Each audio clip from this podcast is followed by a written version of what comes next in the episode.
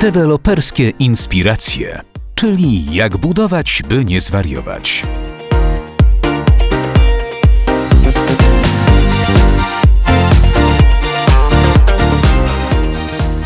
Podcast 3D Estate. Witamy Was bardzo serdecznie. Aneta Kuberska. Krzysztof Kuniewicz. Urbanista. Zawód, który może się kojarzyć z wizjonerem. Człowiekiem, który planując miasta kreuje na długie lata przestrzeń, w której żyją kolejne pokolenia ludzi. Dziś sprawdzimy, czy ta nieco romantyczna wizja pokrywa się z rzeczywistością. Współcześnie już dosyć rzadko planujemy całe miasta, czy nawet miasteczka od zera. Raczej tą skalą, której urbaniści pracują i dobrze jakby pracowali, jest osiedle, dzielnica. Pierwsze rozczarowanie? Nie do końca, bo jak przekonuje nasz gość Łukasz Mikuła, prezes Poznańskiego Oddziału Towarzystwa Urbanistów Polskich, wciąż w miastach istnieją spore przestrzenie, które warte są kreatywnego planowania. Tam, gdzie są naprawdę duże przekształcenia urbanistyczne, to są z reguły jakieś tereny poprzemysłowe, pokolejowe, jakieś pomagazynowe, powojskowe, bo tak naprawdę, jeżeli gdzieś w cudzysłowie urbanista może się trochę bardziej wyżyć współcześnie w miastach, to na takich terenach, które utraciły swoją pierwotną funkcję i są faktycznie najczęściej bardzo dobrze położone i dają ten potencjał, żeby tam faktycznie taką nową dzielnicę od zera w jakiś sposób zaprojektować. Tymczasem bolączką polskich miast, miasteczek i wsi jest brak planowania. Są dobre przykłady, natomiast jest też wiele złych, gdzie tak naprawdę nie ma żadnej urbanistyki. Cały plan osiedla tworzy geodeta, który po prostu ma za zadanie na przykład podzielić jakieś pole na jak największą liczbę, jak najbardziej kształtnych i łatwych do sprzedaży działek. Mamy te monokultury mieszkaniowe bardzo często pojawiające się i tu trudno mówić o urbanistyce, bo urbanistyka to znacznie więcej niż tylko lokalizacja budynków, to jest właśnie próba połączenia tych aspektów mieszkaniowych z wszelkimi innymi. Temu szaleństwu zaradzić ma reforma planowania przestrzennego, w związku z którą urbaniści będą mieli bardzo dużo pracy. Pytanie, czy niezbyt dużo, czy ta reforma nie jest trochę zbyt ambitna w stosunku do tego, ilu tak naprawdę mamy funkcjonujących urbanistów i jakie zadania przed nimi zostały postawione w jak krótkim czasie. To ilu w takim razie mamy w Polsce urbanistów? Tak naprawdę nie wiemy, ilu mamy urbanistów w Polsce. Tak? Teoretycznie każda osoba, która ukończyła studia określonego kierunku, architekturę, urbanistykę albo gospodarkę przestrzenną, może sporządzać plany, natomiast takich osób praktykujących podejrzewam, że jest kilkaset. Niewielu, biorąc pod uwagę ogrom pracy związanej z reformą. Zapytamy zatem naszego gościa o to, co urbaniści myślą o WZ-kach i reformie, która ogranicza ich znaczenie. Ta popularna WZ, ona była pomyślana pierwotnie, że to ma być takie uzupełnienie systemu. To ma być dla takich jakiś plomb w zabudowie, gdzie właściwie wszystko mamy dookoła ustalone, mamy siatkę ulic, mamy już przeważający jakiś typ zabudowy w danej dzielnicy i gdzieś tam pozostały pojedyncze wolne parcele. Po co robić dla nich cały plan zagospodarowania, można na decyzji to uzupełnić. Tymczasem WZ stała się jakby głównym narzędziem urbanizacji kraju, można powiedzieć. Na WZ-kach powstawały i powstają no, całe osiedla mieszkaniowe w środku pola, bez infrastruktury, bez dostępu do czegokolwiek. Porozmawiamy oczywiście także o idealnych miastach. Czy istnieją i jakie powinny spełniać kryteria, by móc zostać uznanymi za przyjazne do życia? Idea miasta 15-minutowego w dużej mierze do tego prowadzi. Jesteśmy w dużej metropolii, mamy wiele rzeczy takich, z którymi się wielkomiejskie życie wiąże w miarę na wyciągnięcie ręki, jednak na co dzień jesteśmy w stanie większość swoich spraw życiowych załatwić właśnie w tej najbliższej przestrzeni naszej dzielnicy, osiedla. To wszystko i znacznie więcej w naszej dzisiejszej rozmowie. Koniecznie zostańcie z nami przez najbliższe pół godziny.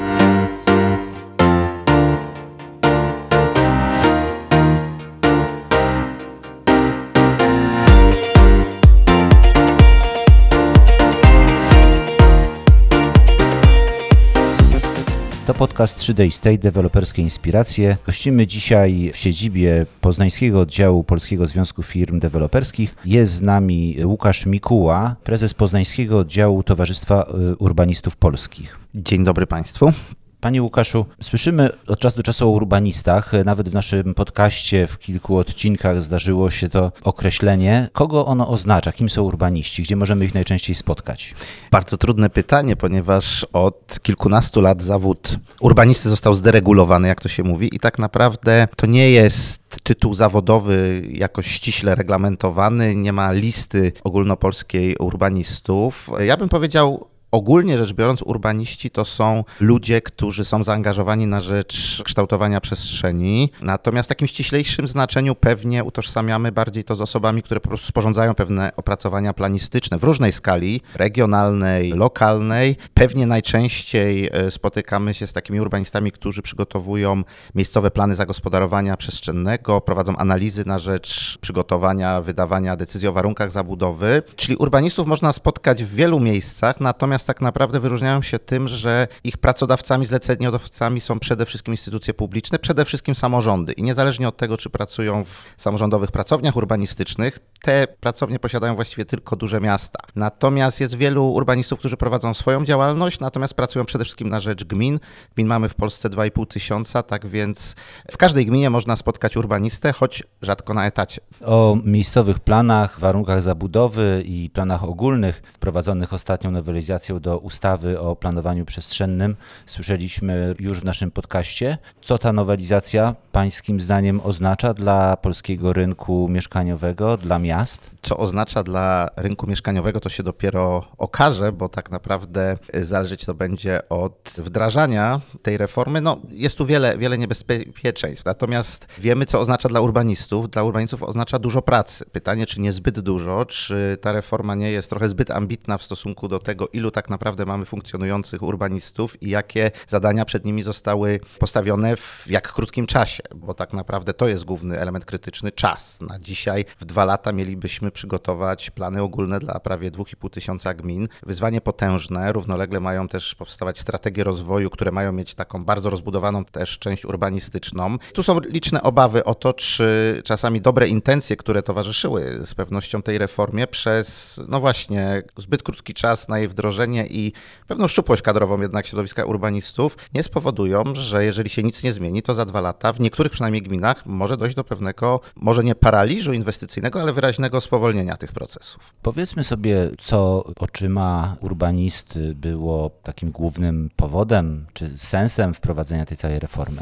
Na pewno, jeżeli patrzymy na takie główne przesłanki, to one wynikały z chaosu przestrzennego, który chyba przede wszystkim był spowodowany dość swobodnym wydawaniem decyzji o warunkach zabudowy w najróżniejszych kontekstach urbanistycznych. Decyzja o warunkach zabudowy, ta popularna WZ, ona była pomyślana pierwotnie, że to ma być takie uzupełnienie systemu. To ma być dla takich jakiś plomb w zabudowie, gdzie właściwie wszystko mamy dookoła ustalone, mamy siatkę ulic, mamy już przeważający jakiś typ zabudowy w danej dzielnicy i gdzieś tam pozostały pojedyncze wolne parcele. Po co robić dla nich cały plan? zagospodarowania można na decyzji to uzupełnić. Tymczasem WZ stała się jakby głównym narzędziem urbanizacji kraju, można powiedzieć. Na WZ powstawały i powstają no, całe osiedla mieszkaniowe w środku pola, bez infrastruktury, bez dostępu do czegokolwiek. I wydaje się, że pomysłem na to, żeby to w jakiś sposób ukrócić, były właśnie plany ogólne, no i zmiany w zasadach wydawania WZ. -ek. To nie jest też tak, że plany miejscowe są receptą na wszystko, bo mamy wiele gmin,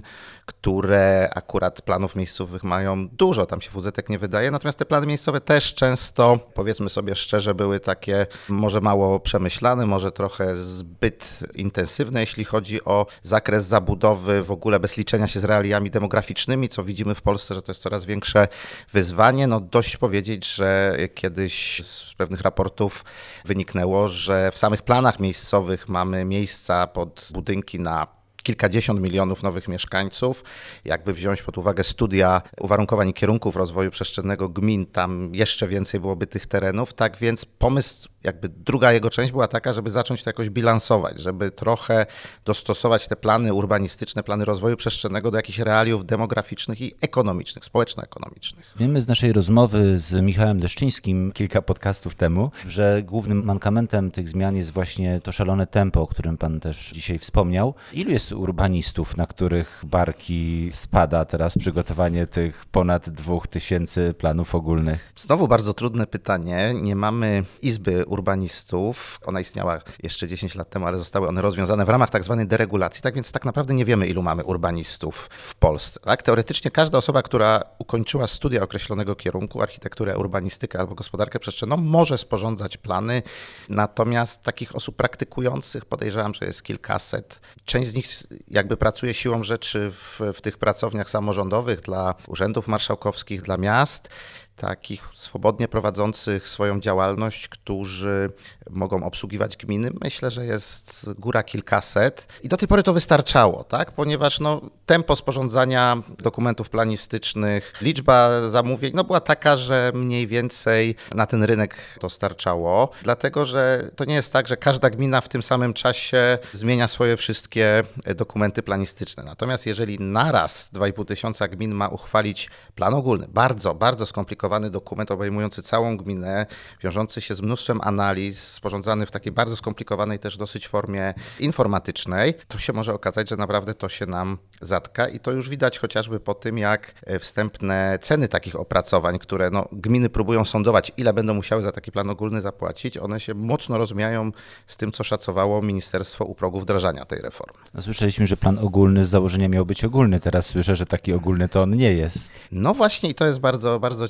ciekawy aspekt tej reformy, że on jest no właśnie ogólny w znaczeniu, że obejmuje całą gminę, natomiast jak patrzymy na zakres analiz, które trzeba przeprowadzić na jego potrzeby, na zakres wskaźników, które trzeba w nim określić, to on się okazuje, że może być całkiem skomplikowanym dokumentem, a staranność jest tutaj wyjątkowo wymagana, bo to jest akt prawa miejscowego. Tutaj jak się wpisze jakieś parametry czy wskaźniki, to to są nieprzekraczalne wskaźniki maksymalne, które później trzeba stosować w planie miejscowym, trzeba stosować w decyzjach o warunkach zabudowy. W studium, do którego jesteśmy do tej pory przyzwyczajeni, można było czasami sobie napisać to swobodnie i pewne takie klauzule uelastyczniające, że w zależności od miejscowych warunków dopuszcza się modyfikacje i tak dalej. Plan ogólny jest napisany na twardo i tutaj jakby popełnienie jakiegoś błędu no może skutkować konkretnymi konsekwencjami, że dany teren będzie bardzo trudny w zainwestowaniu albo okaże się, że jesteśmy bardzo zblokowani później już na etapie uchwalania planu miejscowego. Czy proces uchwalania planu ogólnego jakoś przypomina te miejscowe plany, czy procedura jest inna? Właściwie plan ogólny, jeśli chodzi o procedurę, to będzie bliźniacze odwzorowanie procedury i studium, i planu miejscowego. Tutaj akurat jeśli chodzi o procedurę, to jest coś, co wszyscy w miarę znają. Sam dokument, sama jego struktura, sama jego sposób tworzenia jest czymś innym, czymś nowym i to będzie wyzwanie i dla urbanistów, i dla gmin przede wszystkim, no, które są tak naprawdę gospodarzem tego procesu, a później w praktyce no, może być różnie, jeśli chodzi chociażby o wydawanie tych decyzji o warunkach zabudowy. Wiemy, że miejscowe plany powstają również w procesie konsultacji społecznych. Czy te plany ogólne również zakładają włączenie mieszkańców do ich tworzenia? Tak, tutaj wydaje się, że właściwie wszystko będzie bardzo podobnie. Ustawa właściwie w tej chwili w nowej formie ma jeden rozdział poświęcony konsultacjom społecznym, który ma być stosowany tak samo do planów ogólnych, jak i do planów miejscowych. Te konsultacje zostały troszeczkę unowocześnione w stosunku do tych zapisów sprzed już 20 lat pierwotnych ustawowych. Można stosować nieco więcej form niż tylko takie klasyczne wyłożenie do publicznego wglądu. Natomiast wiele miast, gmin już wcześniej wcześniej trochę wychodziło przed szereg i, i takie nowe metody konsultacji, tak czasami spotkania takie bardziej warsztatowe z mieszkańcami, czy różne formy zdalne także wykorzystywało, więc Tutaj, jeśli chodzi o poziom, powiedziałbym, jakiegoś tam uspołecznienia tego procesu, to dotyczy zarówno udziału inwestorów, jak i organizacji społecznych, jak i zwykłych mieszkańców. Tutaj myślę, że ten standard, który do tej pory był, zostanie zachowany, a nawet troszeczkę poszerzony, bo, bo pewne nowe formy są także dopuszczone. Co poza sytuacją, gdy jest rewolucja czy trzęsienie ziemi w prawie i urbaniści mają teraz, już dzisiaj widzimy, potencjalnie pełne ręce roboty, co robią na co dzień? Kim są główni klienci urbanistów? Oczywiście zdarzają Zdarzają się także zlecenia od prywatnych inwestorów, natomiast większość urbanistów, tych chociażby zrzeszonych w Towarzystwie Urbanistów Polskich, w większości pracuje dla sektora publicznego. Głównym zleceniodawcą są samorządy w różnej formie, tak? bo to może być albo urbanista, który jest zatrudniony po prostu w urzędzie miasta lub gminy, czasami w pracowni planistycznej, czy to wojewódzkiej, czy miejskiej. Większość firm urbanistycznych no to są takie kilkuosobowe najczęściej pracownie, które obsługują najczęściej po kilka gmin, bo to jest możliwe, sporządzając dla nich często zarówno aktualizację studium, plany miejscowe na potrzeby decyzji tych o warunkach zabudowy. No i teraz zacznie się pewnie ten nowy rynek planów ogólnych, być może także strategii rozwoju. Urbanisty odróżnia od architekta to, że jednak przede wszystkim zawsze pamiętać powinien o tym, że pracując dla sektora publicznego, musi mieć w głowie też ten interes społeczny, czasami bardzo trudny do wypośrodkowania i w swojej pracy przy tworzeniu opracowań planistycznych też brać pod uwagę właśnie ten kontekst lokalnej społeczności, dla której tak naprawdę te opracowania planistyczne są robione.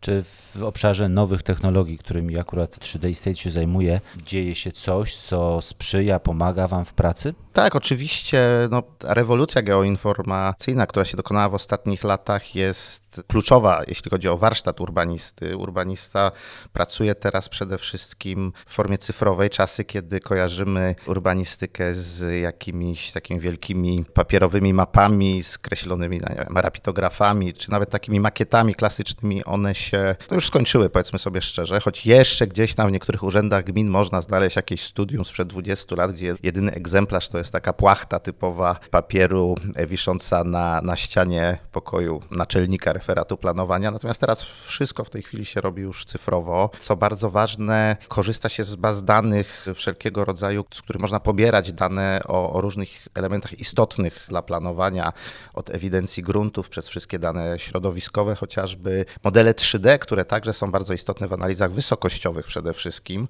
To jest wszystko już taka codzienność pracy urbanisty, a plan ogólny to jest krok dalej, ponieważ plan ogólny w ogóle nie powstaje tak naprawdę finalnie jako mapa jakaś. Powstaje tylko w formie zbioru danych przestrzennych. Tak naprawdę plan ogólny będzie po prostu plikiem i to będzie jego ta wersja podstawowa. To, co zobaczymy jako wizualizacja, będzie tylko czymś wygenerowanym na, na podstawie tego źródłowego pliku, który jest oryginalnym i właściwym tekstem może nawet nie tyle tekstem, co treścią samego planu. Kilka tygodni temu rozmawialiśmy z Robertem Jackiem Moricem, autorem pomysłu Miasteczka Siewierz i koncepcji, która jest w zasadzie realizowana jako takie nowoczesne miasto. Zakładam, że ta koncepcja jest panu znana. Może pan powiedzieć, jak pan widzi tego typu rozwiązania? Współcześnie już dosyć rzadko planujemy całe miasta, czy nawet miasteczka od zera. Raczej tą skalą, której urbaniści pracują i dobrze jakby pracowali, jest osiedle, dzielnica, czasami właśnie takie miasteczko, ale najczęściej miasteczko nie gdzieś zupełnie na surowym korzeniu, tylko będące częścią jakiejś aglomeracji obszaru metropolitalnego, bo to są te miejsca, gdzie ta działalność inwestycyjna jest najbardziej intensywna. Każde takie projektowanie, które faktycznie bierze pod uwagę aspekty inne niż tylko zmieszczenie jak największej liczby budynków mieszkalnych czy usługowo-przemysłowych na jednostce gruntu jest czymś, e, o czym warto rozmawiać, co warto promować. Pomysł na takie bardzo zintegrowane środowisko zamieszkania, gdzie myślimy nie tylko o budynkach mieszkalnych, ale także o usługach, zarówno tych publicznych, jak i komercyjnych, o zieleni, o tym, żeby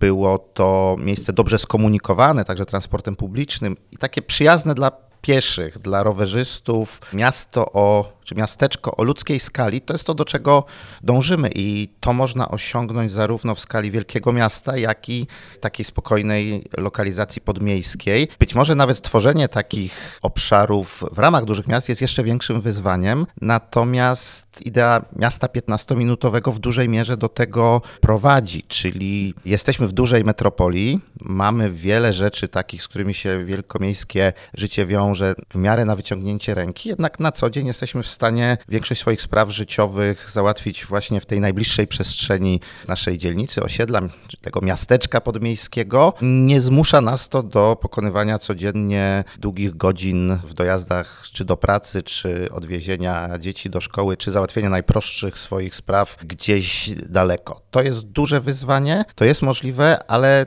trochę wymaga zmiany sposobu myślenia po każdej stronie i samorządowców, i inwestorów. Urbaniści chyba są najbardziej do tego mentalnie przygotowani, natomiast w praktyce często wdrożenie takich projektów, bo łatwo je narysować, znacznie trudniej wdrożyć, jest trudne. Czy deweloperom zdarza się przyjść do pana jako urbanisty i zapytać, panie Łukaszu, jak mam to moje osiedle zaprojektować, żeby ludziom się tu dobrze żyło? Czy to już raczej jest zadanie dla architektów? To zależy troszeczkę od skali, w której działamy. Ja pracując, działając w samorządzie miasta Poznania, jestem w troszeczkę innej sytuacji niż chociażby koleżanki i koledzy, którzy pracują dla gmin podmiejskich czy gmin wiejskich, gdzie no jakby sytuacja jest zupełnie inna. Żeby mówić o urbanistyce w skali inwestycji deweloperskiej, ona też musi mieć troszeczkę swoją skalę, tak? To bardzo często, jeżeli to są jakieś pojedyncze budynki wkomponowywane w już istniejącą zabudowę, no trudno powiedzieć, żeby deweloper tu odpowiadał za urbanistykę. Raczej liczymy, że wkomponuje się w pewien układ, w pewien rytm zabudowy, w pewne funkcje, które już w danym miejscu są. Natomiast oczywiście są przykłady takich e,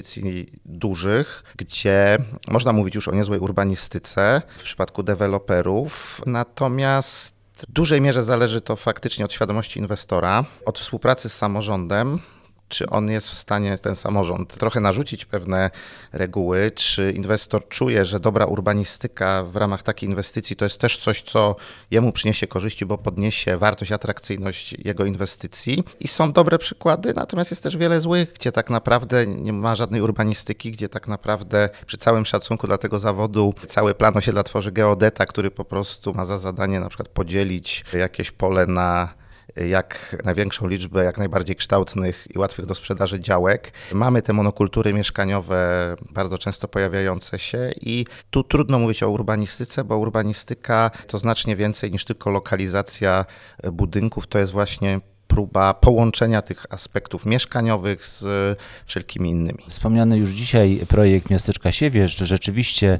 taka enklawa, która powstała wśród pól, w pięknym otoczeniu, można powiedzieć wśród pagórków nad, nad jeziorem. Takich lokalizacji jest pewnie bardzo mało, by móc ulegać bardzo regularnie pokusie stworzenia takiego miasteczka. Tak jak pan powiedział, częściej mamy do czynienia już z gotowymi miastami, gdzie jesteśmy trochę zakładnikami uwarunkowań historycznych, kiedyś budowano w określony sposób, czy za czasów PRL-u, czy zaraz po PRL-u albo jeszcze, jeszcze dawniej. I teraz e, te miejsca są wyzwaniem, mniejszym lub większym. Jak urbaniści zabierają się za to, żeby te miejsca były lepsze, bardziej przyjazne do życia?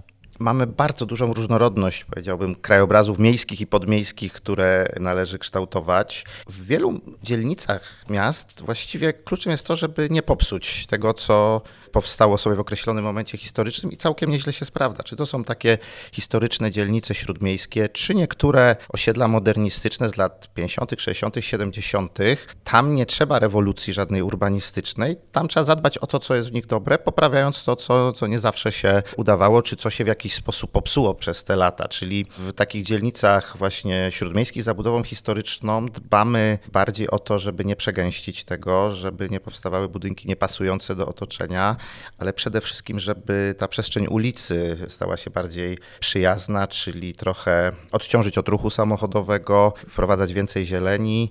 To są główne wyzwania. Tam, gdzie są naprawdę duże przekształcenia urbanistyczne, to są z reguły jakieś tereny poprzemysłowe, pokolejowe, jakieś pomagazynowe, powojskowe, bo tak naprawdę, jeżeli gdzieś w cudzysłowie urbanista może się trochę bardziej wyżyć współcześnie w miastach, to na takich terenach, które utraciły swoją pierwotną funkcję i są faktycznie najczęściej bardzo dobrze dobrze położone i dają ten potencjał, żeby tam faktycznie taką nową dzielnicę od zera w jakiś sposób zaprojektować. W ogóle to jest taki trend, który powinien być promowany, czyli że nie tyle zjadamy tą przestrzeń otwartą, zieloną, pola, łąki na budownictwo, tylko przede wszystkim robimy recycling, czyli tam, gdzie już kiedyś zostało to zabudowane, a, a dzisiaj stoi w jakiś sposób jako taki miejski nieużytek, żeby tam nadawać temu nowe życie, nowe funkcje także bardzo często mieszkaniowe, komercyjne. Tu nie ma wątpliwości, że tak trzeba działać. Natomiast no, drugie takie wyzwanie to są obszary podmiejskie i tu muszę przyznać, że to jest coś, co nam się do końca nie udało przez ostatnie 30 lat, bo wyjeżdżając czy to na peryferia, jeszcze czasami to jest w granicach miasta, czy tuż za jego granice do gmin podmiejskich, no widzimy bardzo duże przemieszanie zabudowy. Widać, że powstały często te miejscowości jako takie patchworki pojedynczych inwestycji na kilkanaście, czasami kilkadziesiąt domów, czasami jednorodzinnych, czasami takich mniejszych, wielorodzinnych i to się tam często nie składa w jakąś spójną tkankę miejską czy podmiejską. Kluczem jest także to, żeby budować nie wszędzie, tam gdzie akurat jest tani grunt i gmina zgodziła się przekształcić pole pod mieszkaniówkę, no tylko tam, gdzie po pierwsze już jakieś usługi, jakaś infrastruktura publiczna istnieje. Po drugie, dobrze byłoby to robić tam, gdzie istnieje chociażby jakaś sieć kolei podmiejskiej czy, czy tego typu innych środków transportu, które zapewnią dobrą komunikację. Niestety tutaj jest jeszcze bardzo dużo do zrobienia i szczerze mówiąc, nie da się teraz mówić o planowaniu miasta bez patrzenia na, na to szerzej, poza granice administracyjne, bo te nasze miasta w sensie takim funkcjonalnym, realnym, one dawno już przerosły swoje granice administracyjne. Poznań akurat jest tu szczególnym przypadkiem. Wydaje mi się, że to jest takie najbardziej wręcz suburbanizowane miasto w Polsce. I dlatego trzeba myśleć o, o tym układzie, o planowaniu już całej aglomeracji, całej metropolii, w układzie miasto plus sąsiednie gminy, bo tylko to pozwoli nam jakoś skoordynować ten rozwój i wrócić do tych ideałów dobrej urbanistyki. Tutaj zilustrujemy to, co Pan powiedział, danymi, które bardzo świeżo udało mi się uzyskać z portalu Obido Analytics. Dowiedziałem się, że w mieście Poznaniu mieszkań w ofercie w chwili obecnej jest około 4400, natomiast mieszkań i domów w tym obwarzanku mhm. wokół Poznania jest 1900, czyli jest to ogromna oferta i to bardzo mocno kusząca ludzi cenami, więc rozmowa o tym, jak zorganizować transport, jak zorganizować życie tak ogromnych e, rzesz ludzi, no jest wyzwaniem tak naprawdę dla wszystkich. E, pamiętajmy jeszcze tylko, że w gminach podmiejskich mamy potężny sektor budownictwa indywidualnego cały czas, tak, który w ogóle się wymyka troszeczkę statystykom czy jakimś obserwacjom rynkowym, natomiast z punktu widzenia urbanistycznego on też się dokłada do takiego wrażenia mimo wszystko pewnego chaosu i braku koordynacji tych procesów rozwojowych. Znajdujemy się w pięknym mieście Poznaniu. Jesteśmy w okolicy Starego Miasta, gdzie chyba już powoli zaczynają się kończyć remonty. Jak wygląda Poznań na tle innych miast, jeśli chodzi o tą przyjazność, łatwość życia? Ja oczywiście nie jestem obiektywny jako Poznaniak z urodzenia i osoba bardzo z tym miastem związana. Ja uważam, że Poznań jest miastem dobrym do życia. Jest miastem, które ma swoją specyfikę, swój rytm, swoją jakąś tożsamość też urbanistyczną. Nie jest miastem położonym nad morzem, ani nad jakąś wielką rzeką z spektakularnym waterfrontem. Nie jest Warta, jest jezioro maltańskie. Tak, ale Warta czy jezioro maltańskie, przestrzenie przede wszystkim rekreacyjne, to nie jest taka rzeka śródmiejska, tak bym e, mimo wszystko powiedział. Oczywiście bogactwem zabytków pewnie takiemu miastu jak Kraków też będzie ustępował, natomiast wydaje mi się, że w Poznaniu jest naprawdę niezły miks tych różnych rzeczy, które decydują o tym, czy miasto jest, jest przyjazne do życia, czy nie. Czyli zarówno mamy tą atrakcyjną strefę śródmiejską, mamy myślę, że wyjątkowo dobrze funkcjonujące i dobrze odnowione osiedla właśnie te z okresu PRL-u, które wbrew temu, co wieszczono troszeczkę w latach 90., wcale nie popadły w jakąś tutaj stagnację czy upadek, a stały się całkiem przyjaznymi miejscami do życia. Mamy bardzo fajnie rozwinięty system zieleni miejskiej oparty o, o kliny zieleni, właśnie o, o jeziora, które są w granicach miasta.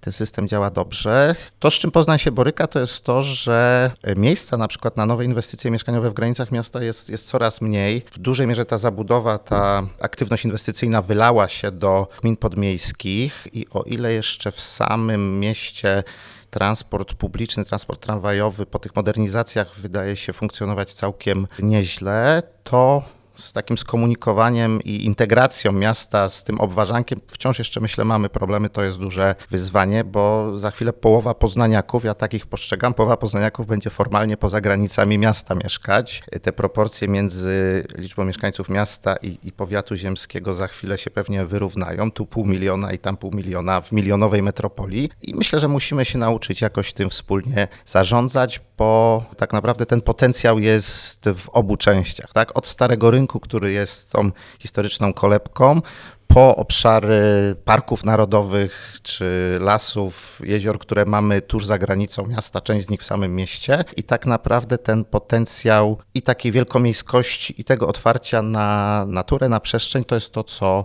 jest mocną stroną Poznania i całej metropolii poznańskiej. Znaczy wyznacznikiem tego problemu, czy wyzwania, o którym Pan powiedział, czyli niedoboru miejsc w mieście, gdzie można budować i z tego powodu konkurencyjności e, obszarów podmiejskich jest e, ogromna różnica w cenie e, mieszkań tutaj i w Obwarzanku. W Poznaniu jest to już średnia cena około 12 tysięcy złotych, podczas gdy poza granicami miasta można kupić mieszkanie za około ponad 7 tysięcy złotych za metr. To jest ogromna różnica. Wspomniał Pan o pewnym trendzie przekształcania terenów właśnie poprzemysłowych na tereny mieszkaniowe. Czy Poznań ma potencjał, żeby zwiększać podaż gruntów pod właśnie to zagęszczanie mieszkalnictwem? Na pewno ma potencjał. Nie używałbym słowa zagęszczania mieszkalnictwem, raczej mówimy o odnowie obszarów zdegradowanych, czy takich, które utraciły swoje funkcje. Mamy przede wszystkim potężny teren w samym środku miasta, tak zwane wolne tory, czyli to jest kilkadziesiąt hektarów tak naprawdę pomiędzy dwoma śródmiejskimi dzielnicami Łazarzem i Wildą, gdzie kiedyś to były tory właśnie dla ruchu towarowego, zakłady naprawcze taboru kolejowego. Teren świetnie położony, właściwie tuż przy głównym dworcu kolejowym. Przez wiele lat stał odłogiem. Są już pewne koncepcje, jak można ten teren zagospodarować, natomiast tam cały czas jeszcze trochę jest kwestii własnościowych do rozwiązania, no ale potencjał jest potężny. Kilka innych takich kompleksów poprzemysłowych w obszarach nadrzecznych, po takich dawnych zakładach komunalnych typu gazownia, elektrociepłownia również w Poznaniu jest. Takich terenów otwartych jest trochę mniej, one są bardziej we wschodniej części miasta, tam też jest 200-300 hektarów jeszcze w granicach miasta, które można, można byłoby pod budownictwo uruchomić. Natomiast patrząc po stronie zachodniej, granice miasta nie zmieniły się od 1940 roku i w tym takim naturalnym dla Poznania zachodnim kierunku rozwoju, tam tak naprawdę większość nowej zabudowy powstaje już w gminach podmiejskich, które się bardzo intensywnie rozwijają. To są w skali kraju gminy, gdzie, gdzie często ten przyrost ludnościowy jest w pierwszej dziesiątce na te 2,5 tysiąca gmin, które mamy, czyli Komorniki, Dopiewo, Tarnowo, Podgórne, Rokietnica. To jest w tej chwili taki obszar, gdzie aż być może ta koniunktura jest przegrzana, bo widzimy, jak taki bardzo dynamiczny rozwój podmiejski też niestety czasami powoduje komplikacje czy dla systemu komunikacyjnego, czy dla chociażby infrastruktury szkolno-przedszkolnej, która no, często nie nadąża za tak dynamicznym rozwojem demograficznym, podczas gdy często w tych dzielnicach starszych samego Poznania no mamy pewne rezerwy, mamy pewne luzy w tych placówkach, które powstawały na, na wyż lat 70., 80., a dzisiaj, dzisiaj się nie zapełniają w takim stopniu. Gdzie widzi Pan największe różnice interesów e, pomiędzy tym, czego by chciało miasto, a tym, czego pragną deweloperzy. Oczywiście pomijając e, to dogęszczanie zabudowy, jakie wyzwania są tutaj najbardziej istotne i najbardziej widoczne? Znaczy ja bym nie powiedział, że samo dogęszczanie zabudowy z definicji jest czymś złym czy czymś konfliktowym, bo bardzo często my oczekujemy wręcz jako miasto, że takie luki w zabudowie, takie czasami blizny, które jeszcze czy to od czasów wojennych, czy jakichś wyburzeń z okresu PRL-u tak straszą w mieście, że one powinny być wręcz zagospodarowane, a często są to lokalizacje, gdzie na przykład mamy de facto pełną infrastrukturę i społeczną i to są obszary dobrze skomunikowane.